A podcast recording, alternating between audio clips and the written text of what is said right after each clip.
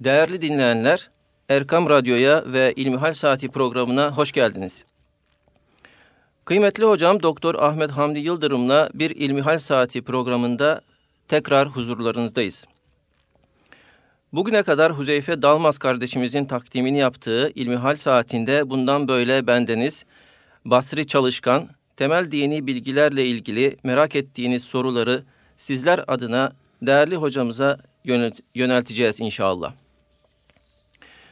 Daha önceki haftalarda olduğu gibi bu haftada içinden çıkamadığımız, aklımıza takılan, zihnimizi ve kalbimizi meşgul eden konuları Ahmet Hamdi Yıldırım hocamıza soracağız ve inşallah güzel cevaplar alacağız kendisinden.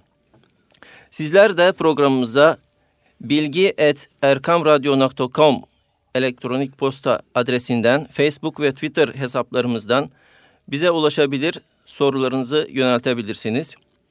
Hocam hoş geldiniz. Hoş bulduk. Programımızın ilk sorusunu yöneltmek istiyorum. Değerli hocam, dini literatürümüzde ehli kitap diye bir kavramımız var. Ee, nedir bu ehli kitap? Elhamdülillahi Rabbil alemin ve salatu ve selamu ala Resulina Muhammedin ve ala alihi ve sahbihi ecmain. Öncelikle müsaadeniz olursa Basri Hocam ben de size hayırlı olsun demek isterim. Teşekkür Bu ediyorum. vesileyle inşallah bundan sonra zat hallerinizin emir ve komutasında bu programı icra etmeye çalışacağız. Ve yine bugüne kadar değerli katkıları ve emeği geçmiş olan Hüzeyfe kardeşimize de teşekkürlerimizi arz ediyoruz. Kendileri daha yoğun bir program trafiği içerisine girmiş bulunuyorlar. Cenab-ı Allah bütün hayır hizmetlerinde onu da bizi de hepimizi de muvaffak eylesin inşallah. Bir de tabii e, önümüzdeki günlerde bu programımız seneyi devriyesini ikmal etmiş oluyor. Böylelikle bir seneyi bitirmiş bulunuyoruz. Cenab-ı Allah bu programımızı ve radyomuzun bütün programlarını rızasına uygun hale getirsin. İstifadeyi bizlere, dinleyenlerimize, herkese nasip ve müyesser eylesin. Amin. Bu giriş cümlelerinden sonra ehli kitap nedir mevzusuna temas edecek olursak, ehli kitap bir terim olarak, bir terkip olarak kitap ehli anlamına geliyor. Cenab-ı Allah Kur'an-ı Kerim'de insanları iman edenler, iman etmeyenler, iman etmiş gibi gözüken kafirler olarak tasnif ediyor. İman edenler Allah'a, Allah'ın peygamberlerine, meleklerine, kitaplarına, ahiret gününe, yeniden dirilişe ve kadere iman edenler olarak nitelendiriliyor. Ehli kitap Allah Teala'nın gönderdiği peygamberlerden, kitaplardan birine iman etmediği için aslında iman etmiş kategorisine giremiyor. Çünkü Hristiyan ise Hz. Muhammed Mustafa sallallahu aleyhi ve sellem Efendimizin son peygamber olarak gönderildiğine, Kur'an-ı Kerim'in son hak ve hakikat kitabı olarak gönderildiğine iman etmiyor demektir. Yahudi ise o hem bizim şeriatımıza, İslam dinine iman etmiyor hem de İsa aleyhisselama ve ona indirilen İncil'e iman etmiyor demektir. Dolayısıyla Allah'ın indirdiği kitaplar arasından, Allah'ın gönderdiği peygamberler arasından bir kısmına iman etmeyen kimseler Kur'an'ın ifadesiyle Müslümanlığın terminolojisiyle kafir olarak adlandırılırlar. Nitekim Cenab-ı Allah bu durumu efetu'minune bi ba'dil kitabi ve tekfurune bi ba'd. Siz kitabın bir bölümüne iman edip bir bölümünü inkar mı ediyorsunuz? Bunu yapanların cezası ahirette çok acı bir azap olur ancak buyuruyor. Binaenaleyh Kur'an-ı Kerim'in bir bölümüne sadece inanmayan bir kimse cehennemlik oluyorsa, Kur'an'ın tamamına inanmayan, tamamını kabul etmeyen, o Kur'an-ı Kerim'in kendisine gönderildiği alemlere rahmet Hazreti Muhammed Mustafa sallallahu aleyhi ve sellem Efendimizin peygamberliğini kabul etmeyen bir kimse de buna göre ahirette ebedi azabı hak etmiş olurlar. Ma mafi bununla beraber Kur'an-ı Kerim bunlara ehli kitap der. Bunlar muharref de olsa ellerinde bir kitap bulunan kimselerdir. Yahudilerin elinde Tevrat, Hristiyanların elinde de İncil bulunmaktadır. Cenab-ı Hak Subhanahu ve Teala Hazretleri Musa Aleyhisselam'a Tevrat'ı, levhaları hak bir kitap olarak vermişti. İsa Aleyhisselam'a da İncil'i yine hak bir kitap olarak verdi.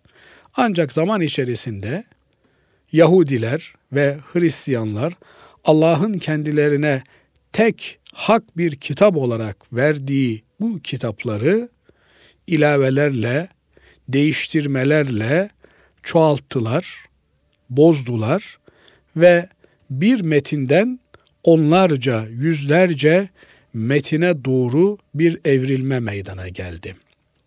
Binaenaleyh bugün Yahudilerin elindeki Tevrat, Cenab-ı Allah'ın gönderdiği orijinal Tevrat olmaktan, Hristiyanların elindeki İncil de Cenab-ı Allah'ın İsa Aleyhisselam'a gönderdiği orijinal İncil olmaktan çıkmıştır.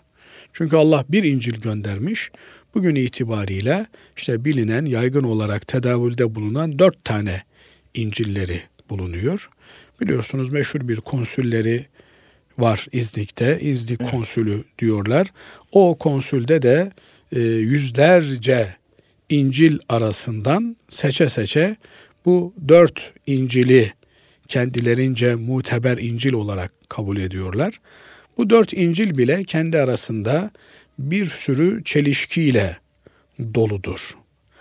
Cenab-ı Allah onların bu durumunu Kur'an-ı Kerim'de bize haber veriyor. Onların bir tahrif ve tagyir, bozma ve değiştirme eylemine kalkıştıklarını haber veriyor. Yer yer Kur'an-ı Kerim bize لَقَدْ كَفَرَ الَّذ۪ينَ قَالُوا اِنَّ اللّٰهَ سَالِسُ سَلَاسَهِ Allah üçün üçüncüsüdür diyenler şüphesiz ki inkara düşmüşler, Allah'ı inkar etmişlerdir diyor. Bu ayeti kerime testis inancına sahip olan, üç tanrı inancına sahip olan Hristiyanların yine Uzeyr Allah'ın oğludur inancına sahip olan Yahudilerin şirke düştüğünü, küfre girdiğini ifade ediyor. Fakat diğer taraftan yine Kur'an-ı Kerim onların kadınlarıyla evlenmenin yani Yahudi ve Hristiyan bayanlarla evlenmenin helal olduğunu, onların kestiklerini yemenin caiz olduğunu bize bildirmektedir. Buradan hareketle alimlerimiz ehli kitapla ilgili farklı kanaatler belirtmişlerdir. Bir kısım demektedir ki hala bir kitaba iman eden Yahudi ve Hristiyanlar ehli kitap olarak değerlendirilir. Bunlar muharref de olsa özü itibariyle bu kitapların içerisinde ilahi bir neşve bulunur. İlahi kitabın kırpıntıları bunların içerisinde vardır. Binaenaleyh Kur'an-ı Kerim bunları ehli kitap olarak değerlendirdiği için bunlar ehli kitaptırlar. Bir kısım alimlerimiz de der ki o dönemde de tevhid inancına sahip olan ehli kitap vardı. Yani tek tanrı inancına sahip olan ehli kitap vardı. Nitekim bizim Nevşehir bölgesini gezdiğiniz zaman da oradaki eski ilk dönem kiliselerinin resimsiz ve tek inanç, tek tanrı inancına sahip oldukları dönemden kalma kiliseler olduğunu görürsünüz. Dolayısıyla testis inancı e, putperest Roma'nın e, Hristiyanlığı kabul ederken bir takım şartlar ileri sürerek kabul etmesiyle Hristiyanlığa girmiş olan bir inançtır. E, bu da işte milattan sonra 3. 4. yüzyıllara tekabül etmektedir ki bundan sonra e, putperestlik ve çok tanrılık Yunan kültürünün egemen olduğu, Roma kültürünün egemen olduğu çok tanrılı bir din anlayışı e, Hristiyanlığın içerisine nüfuz etmiştir. Mamafi Hazreti Peygamber sallallahu aleyhi ve sellem Efendimizin gönderildiği Hicri 6. E, asır 7. asrın başında da Efendimiz aleyhissalatu vesselama peygamberlik geliyor. Bu dönemdeki hakim olan Hristiyan inancı bugün bildiğimiz Muharref, İncil'e bağlı olan, Tevrat'a bağlı olan bir Hristiyan ve Yahudi inancı. Dolayısıyla o gün bunlara Kur'an-ı Kerim bir yerde kafir diyor, bir başka yerde ehli kitap diyor. Dolayısıyla bunu nasıl anlamamız gerektiği noktasında Hz. Peygamber sallallahu aleyhi ve sellem Efendimizin uygulamalarına dönüp bakmamız gerekiyor. Efendimiz aleyhissalatu vesselam bunların inanç dünyalarının iç detaylarına bakmadan bunlara ehli kitap olarak muamele etmiş ve öyle işlem görmüşlerdir. Ez cümle şunu söyleyebiliriz. Bugünkü mevcut olan Hristiyanlar ehli kitap mıdırlar? Ehli kitap olmanın en önemli unsuru bir ahiret inancına sahip olmaktır. Yani ba'su ba'del mevt ölümden sonra tekrar dirilip yaptığımız her şeyin bir hesabını vereceğimize iman etmiş olmak gereklidir diyen kimseler Yahudi ve Hristiyan iseler ehli kitap olarak değerlendirilirler. Ama bu dünyada yaptığım benim yanıma kardır. Hayat bu hayattır. Bundan sonra bir hayat yok. Ölüp toprak olacağız. Çürüyüp gideceğiz. Veya işte bazı batıl inanışlarda olduğu gibi bizim ruhumuz bir başka yaratığın bedenine hulul edecek, girecek ve orada bir hayata devam edecek diye tenasuh, reenkarne inancına sahip olan kimseler bunlar ehli kitap olamazlar. Ehli kitap olmanın, kitap ehli olmanın en önemli unsuru bir ahiret inancına sahip olmaktır. Bir cennet, cehennem inancına yani iyilik yapanların cennette mükafatlandırılacağı, kötülük yapanların cehennemde ceza göreceği inancına sahip olmaları gerekir. Eğer bugün için böyle bir inanca sahip olan bir batılı ehli kitap varsa onu ehli kitap olarak değerlendirebiliriz. Şimdi e, günümüzde tabi kültürler arası evlilik, dinler arası evlilik yaygın bir şekilde e, batıda cereyan etmekte. Evet. Bir Müslüman kadın kesinlikle ama kesinlikle Müslüman olmayan bir kimseyle evlenemez. Evet çok önemli hocam. Bu çok önemli bir nokta evet. Bir Müslüman erkek de ancak ahiret inancına sahip olan bir ehli kitap kadınla evlenebilir. Yani ahiret inancı içerisinde cenneti olan, cehennemi olan bir inanca sahip olan kimseyle evlenebilir. Fakat benim kanaatim ki Hz. Ömer radıyallahu teala Efendimiz de bir dönem bunu uygulamış. Yani ehli kitap kadınlarıyla evlenmeyi yasaklamış. Bugün bu yasak çok daha belirgin hale gelmiştir. Zira bakıp görüyoruz ehli kitap diye işte batıda evlilik yapanlar veya Rusya'da evlilik yapanlar 200 sene sonra boşandıklarında maalesef o evliliklerin mahsulü olan çocukların zayi olup gittiklerini, yitirildiklerini, İslam inancından uzak bir şekilde eğitildiklerini görüyoruz. Bu çok acı verici bir durum. Binaenaleyh çok mücbir bir sebep olmaksızın kesinlikle gayrimüslim unsurlarla evlilik yapılmamalıdır. Bunlar ehli kitap bunlarla evlenmeyi Kur'an-ı Kerim caiz görmüş. Siz kim oluyorsunuz da yasaklıyorsunuz? Haşa. Bizim ne haddimize böyle bir şeyi yasaklamak. Ama ehli kitap olmanın şartı ahiret inancına sahip olmaktır.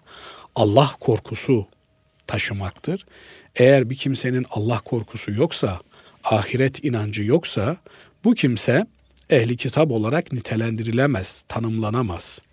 Hele de bugün materyalist olarak yetişmiş, tamamen maddeci felsefenin zebunu olmuş, mahkumu olmuş olan kimselerin ehli kitap olduklarını söyleyebilmek kolay değildir. Binaenaleyh bu noktada çok dikkatli olunmalı. Yine aynı şekilde ehli kitabın kestiği yenir diye batıda lalet tayin yerlerde yemek yemeye kalkmak da doğru bir şey değil. Bu ehli kitap inancının mutlak surette ahiret bilinciyle endeksli ele alınması gerekir.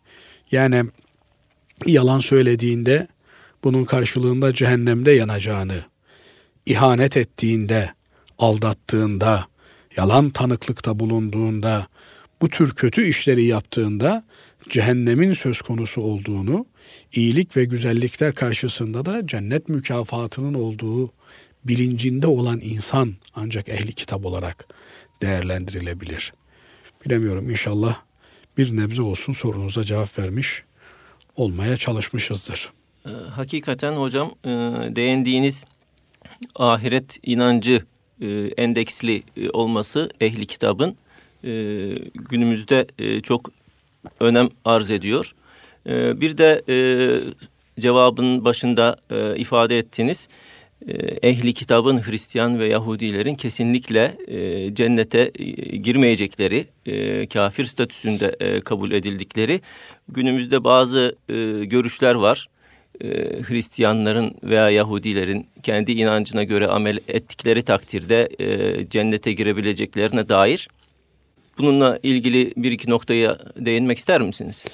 Tabii şimdi her ideoloji kendi varlığını güçlendirebilmek için diğer ideolojileri e, ötekileştirir ve reddeder.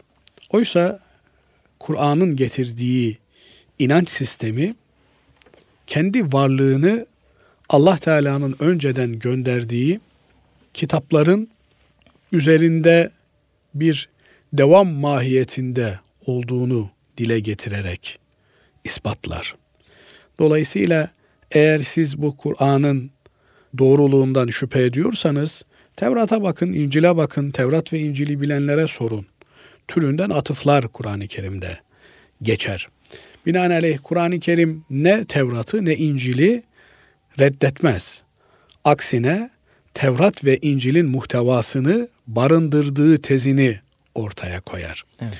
Bu yönüyle Kur'an ve muhtevasına uyan İncil ve Tevrat pasajları Allah'ın gönderdiği Hak, İncil ve Tevrat'ı teşkil ediyor denilebilir. Fakat sözümüzün başında da ifade etmeye çalıştığımız gibi yani Müslüman olan bir kimse Allah'ın gönderdiği Kur'an'ın bir bölümünü reddediyor ise Müslüman olma vasfını kaybediyor demektir. Evet. Dolayısıyla bir adam dört dörtlük bir insan olsa da namaz kılmayı kabul etmese, bu adamın Müslüman olamayacağı ne kadar açıksa çok iyi, çok erdemli bir insan ama Hazreti Peygamber sallallahu aleyhi ve sellem Efendimiz'i bir peygamber olarak tanıyıp peygamber olarak ona bağlanma mecburiyetini hissetmiyorsa yani Muhammed Mustafa sallallahu aleyhi ve sellem Efendimizin varlığını peygamber olarak dünyaya son kurtarıcı olarak, son peygamber olarak gönderildiğini reddediyorsa, kabul etmiyorsa o zaman bu adamın çok iyi Hristiyan veya çok iyi bir Yahudi olmasının Müslümanlar nezdinde hiçbir kıymeti yoktur. Binaenaleyh bir Yahudi kendisinin cennete gideceğini söyler. Kur'an da bunu söylüyor. Diyor ki diyor Yahudiler cennete Yahudilerden başka kimse gidemez. Hristiyanlar da diyorlar ki cennete Hristiyan olanlardan başka kimse gidemez. Dolayısıyla Müslüman olan da cennete Müslüman olandan başka kimse gidemez. İnancına sahiptir. Diğer türlü bir adamı Müslümanlığa çağırmanın, davet etmenin bir anlamı yok ki. O zaman Hazreti Peygamber sallallahu aleyhi ve sellem Efendimiz Yahudilere ve Hristiyanlara gelin Müslüman olun demesinin bir anlamı yok ki. Madem onlar da cennete gidecek, o zaman bir koalisyon hükümeti şeklinde bir dinler harmonisi, dinler koalisyonu. Nitekim böyle çalışmalar var evet. Basri Bey. Evet. Yani dünyanın farklı yerlerinde harmony center'lar var. Yani dinleri e, bir araya getirme çalışmaları, evet. her dinin güzel yanlarını alalım. Biliyorsunuz tarihte de bunu Ekber Şah Hindistan'da yapmış. Adana da Dini Ekberi adını koymuş. Yani Hristiyanlıktan, Hinduizm'den, Müslümanlıktan bir takım e, ritüelleri bir araya getirerek kendince bir din icat etmiş. Cenab-ı Allah açık bir şekilde inne dine indallahil İslam Allah katında tek bir din vardır ancak İslam'dır ve bunun dışında hiçbir din kimseden kabul edilmeyecektir der. Bunlar bu tür çalışmalar Müslümanları önce diğer dinlere karşı sempatiyle baktırmaya, daha sonra da o dinleri benimsemeye götürecek adımlardır. Nitekim e, isim vermek belki doğru olmaz ama bu tür iddiaları savunan kimselerin bazılarının çocukları Hristiyan vermiş. Çünkü Müslümanlıkta Müslümanlık bir şeriat taşıyor, bir hukuk sistemi. Yapılması yasak olan şeyler var. Yapılması gerekli olan şeyler var. Ben Müslümanım deyip yan gelip yatamıyorsun. Sabah namazına kalkacaksın. Yatsı namazı var, abdesti var, orucu var. Efendim şu haram, bu haram bir şeriat. Evet. Tatili yok. Bayramı yok. Yani bayram diyorsun ekstra namazı var. Tatil diyorsun cuma ekstra namazı var. Niye?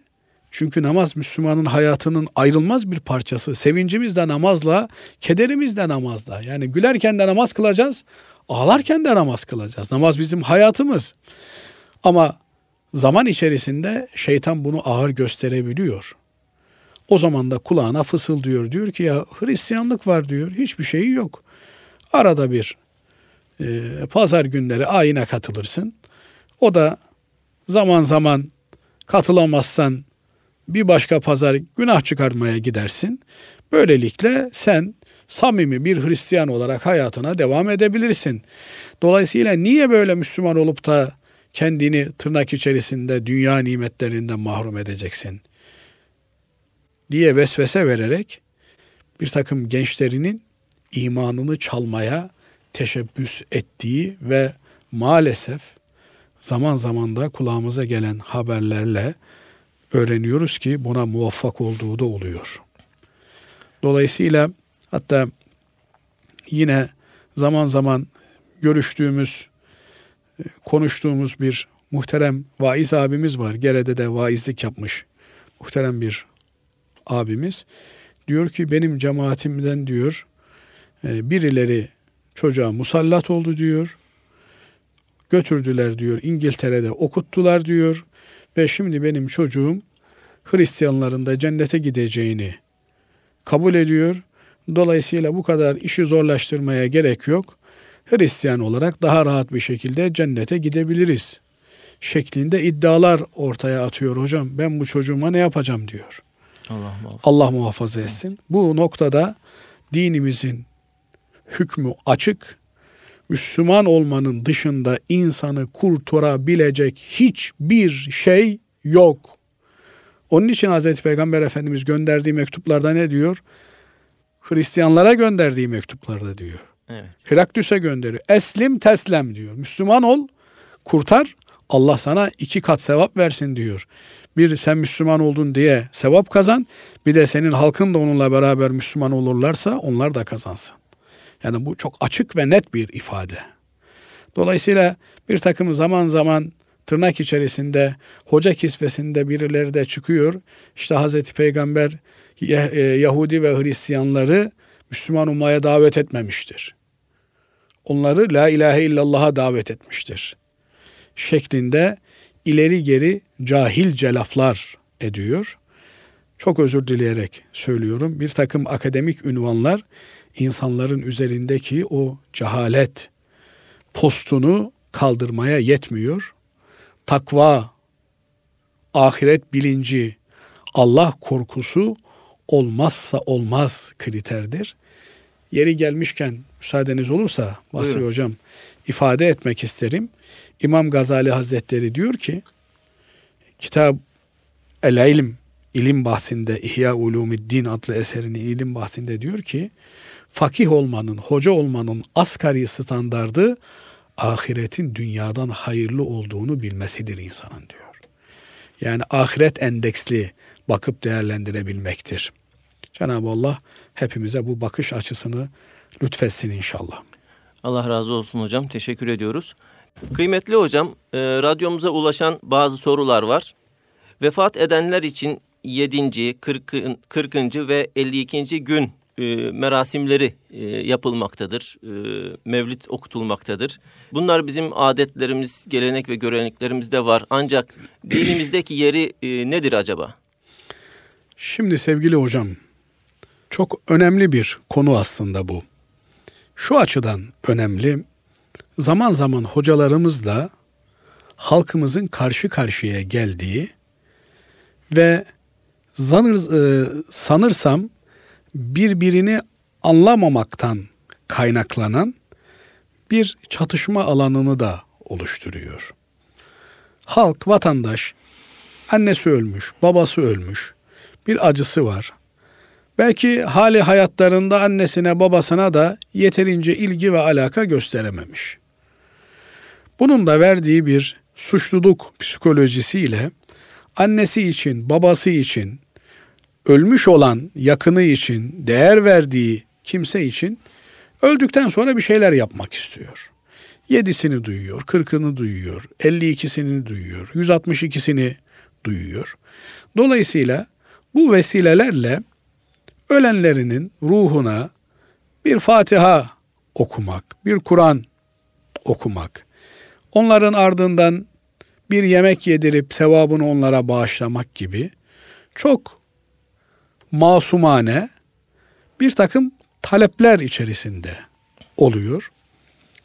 Bizler hoca efendilerde bu bidattir, bu yasaktır, bu dinimizde yeri olmayan bir şeydir diyerek bu talepleri çok kesin ifadelerle reddettiğimizde burada bir çatışma meydana geliyor.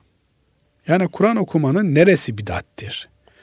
Veya işte Hazreti Peygamber aleyhissalatu vesselam Efendimiz'i medheden Mevlid-i Nebi'yi okumanın neresi bidattir diye bir takım soru işaretleri zihinlerde ve kafalarda kalıyor. Öncelikle bir defa bidatin ne olduğunu iyi bir şekilde anlamamız ve halkımıza da anlatmamız gerekiyor. Bidat sonradan ortaya atılmış, konulmuş şeylere verilen addır. Bedia Cenab-ı Allah'ın isimlerinden bir tanesidir. Aynı kökten gelen bir kelimedir. Bedia orijinal eser ortaya koyan yani taklit ürünü olmayan tamamen özgün bir yapıt ortaya koyan demektir.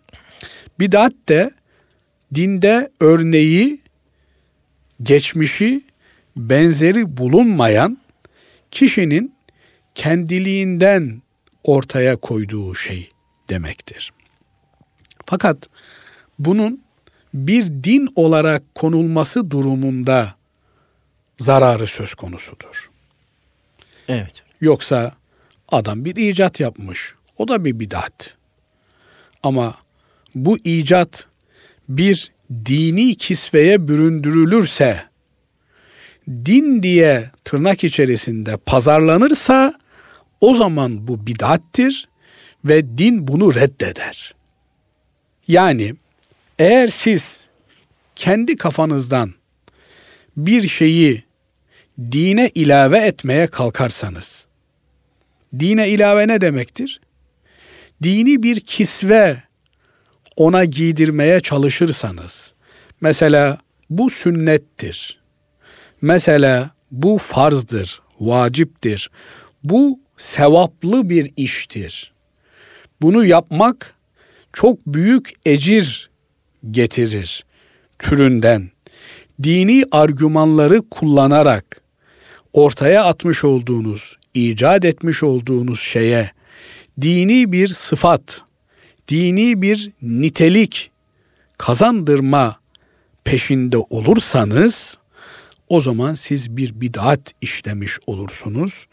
Dinde olmayan bir şeyi dindenmiş gibi göstermek suretiyle sapıklığın, aymazlığın, yoldan çıkmışlığın çığırını açmış olursunuz ki Allah muhafaza etsin bu çok ağır, çok veballi bir günah olmuş olur.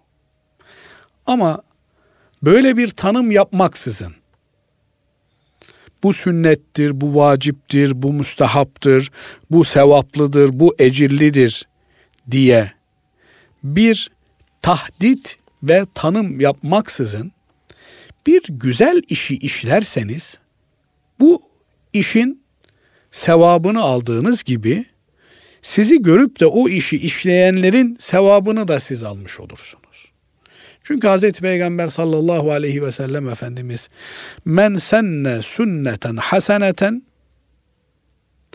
felehu ecruha ve ecru men amile biha min ba'dih buyurmaktadır.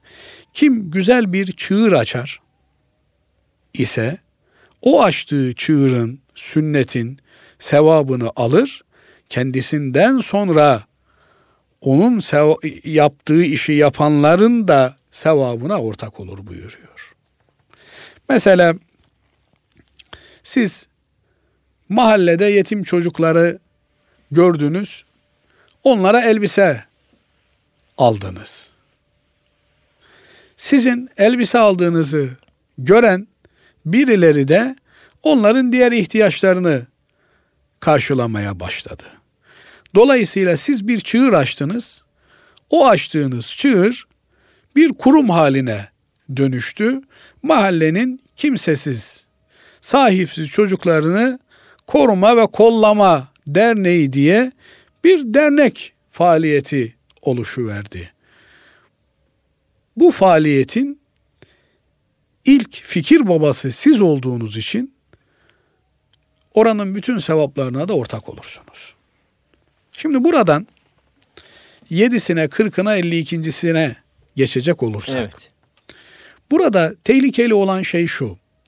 Yedisi diye Kur'an okumaya bir vakit tayin etmek şeriatımızda yok. Yani Hazreti Peygamber Efendimiz ölülerinizin arkasından Kur'an okuyun buyururken yedisinde okuyun, on ikisinde okuyun, sekizinde okuyun diye bir zaman tahdidi yapmıyor. Evet. Dolayısıyla biz ölülerimizin arkasından her gün Kur'an okuyabiliriz. Her yıl Kur'an okuyabiliriz. Aklımıza geldikçe her türlü vesileyle Kur'an okuyabiliriz. Ama bunu bugün de yapmak gerekir. Bugün de yapmak vaciptir sünnettir, faziletlidir diye yedinci güne hasrettik mi o zaman evet. bu tür yetki sadece ve sadece kendisinde bulunan Cenab-ı Allah'ın yetkisini gasp etmiş oluruz. Çünkü böyle bir tahdit yapma. Cenab-ı Allah öyle buyuruyor. Gökler ve yerler yaratıldığı günden beri sene 12 aydır. O 12 aydan 4 tanesi hürmetli aylardır. Ayların niteliklerini Cenab-ı Allah bize bildiriyor. Bunlar içerisinde ölünün 7. gününün böyle bir kutsallığı, ayrıcalığı vardır diye bir şey yok. 40. gecesi matem gecesidir diye böyle bir matem tespit ve tayini de yok. Dolayısıyla bu tür vesilelerle, ölümle, doğumla, hastalıkla, evlilikle, nişanla insanlara dini sohbet yapmayı, dini vaaz yapmayı beraber düşünmek elbette güzel bir husustur. Ama bunlara kendiliğimizden bir zaman takvimi çıkartmak bu işin ruhuna aykırı düşmüş olur. Dolayısıyla böyle bir yedisi, kırkı, elli ikincisi diye bir kendi kendimize veya yetkisi olmayan kimseler tarafından çıkartılmış olan zaman takvimini bir kenara bırakırsak, bunlara itibar etmezsek, bir hafta sonra olur, iki hafta sonra olur, üç hafta sonra olur. Fırsat o gün gelmiştir. O gün sohbet vesilesiyle hatim de okunur, ölmüşlerimizin ruhuna hediye edilir. Bütün bunlar sevap olan, güzel olan, dinimizin takdir ettiği, hoş karşıladığı şeylerdir. Nasıl canlılar olarak birbirimize hediye götürmemiz sünnet bir davranış ise Efendimiz Aleyhisselatü Vesselam hediyeleşin buyuruyor. Ölmüşlerimize de hediye götürmemiz sünnettir. Bu hediye onlar için yapacağımız hayır dualardır. Onlar için yapacağımız sadakalardır.